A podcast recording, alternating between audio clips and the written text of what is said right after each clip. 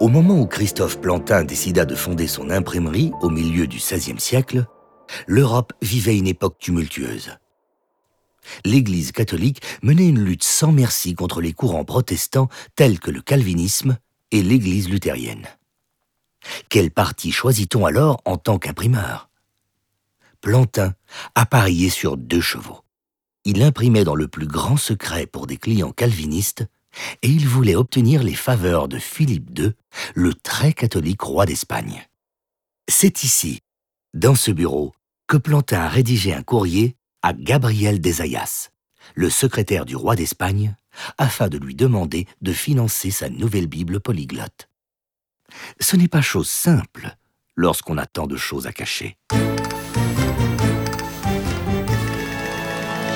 Voilà, Seigneur le secrétaire, quel bon vent vous amène. Ah, Votre Majesté, Philippe de Roi d'Espagne, vous avez reçu un courrier de Christophe Plantin. Plantin, c'est l'imprimeur d'Amberes.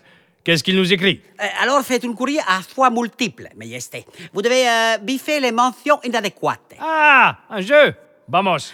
Alors voilà, le Plantin, il commence sa lettre par A. Souverain très honoré. B. Majesté majestueuse. C. Roi colossal des rois. Que quand vous biffez Majesté Un choix difficile, mais une très bonne entrée en matière. Eh, Vous devez choisir. Impossible de choisir. Ah, Je comprends. Alors, il continue par Je vous adresse ce courrier pour A. Vous priez très aimablement. B. Vous demandez avec insistance. Non, non, non, pas avec insistance. Ah, oui. Demandez aimablement. Demandez aimablement. Alors, de bien vouloir consacrer votre temps précieux à un projet prestigieux. Ah, prestigieux. Muy bien. Alors, c'est à savoir l'impression d'un A. Splendide calendrier des pompiers avec des illustrations. B. Une pamphlet contre ces clowns protestants. Ou C. Une Bible polyglotte.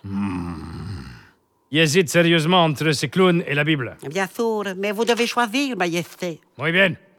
Vamos pour la Bible! Ah, avec Sarah protestant, je me ferai de beaux bûchers. Si. Et Je lirai alors ma nouvelle Bible, installée confortablement devant un beau bûcher crépitant. Une foyer de récit C'est réputable ce bon ça, les hérétiques crépitants! Ah. Si, Majesté Très bonne Autre chose? Euh, euh, euh, si, alors, euh, les plantains, il écrit encore ceci.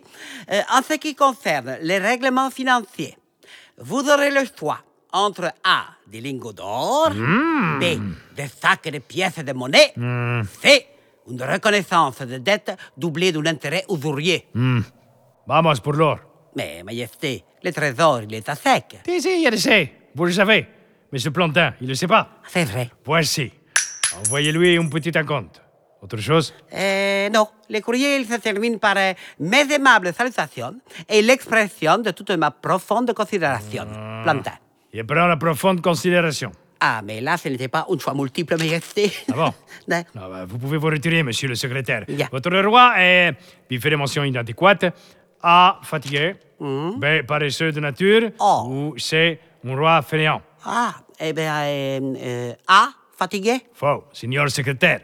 La bonne réponse est B, le paresseux. Ah, bon, euh, eh bien, alors, je vous laisse, Majesté. hein.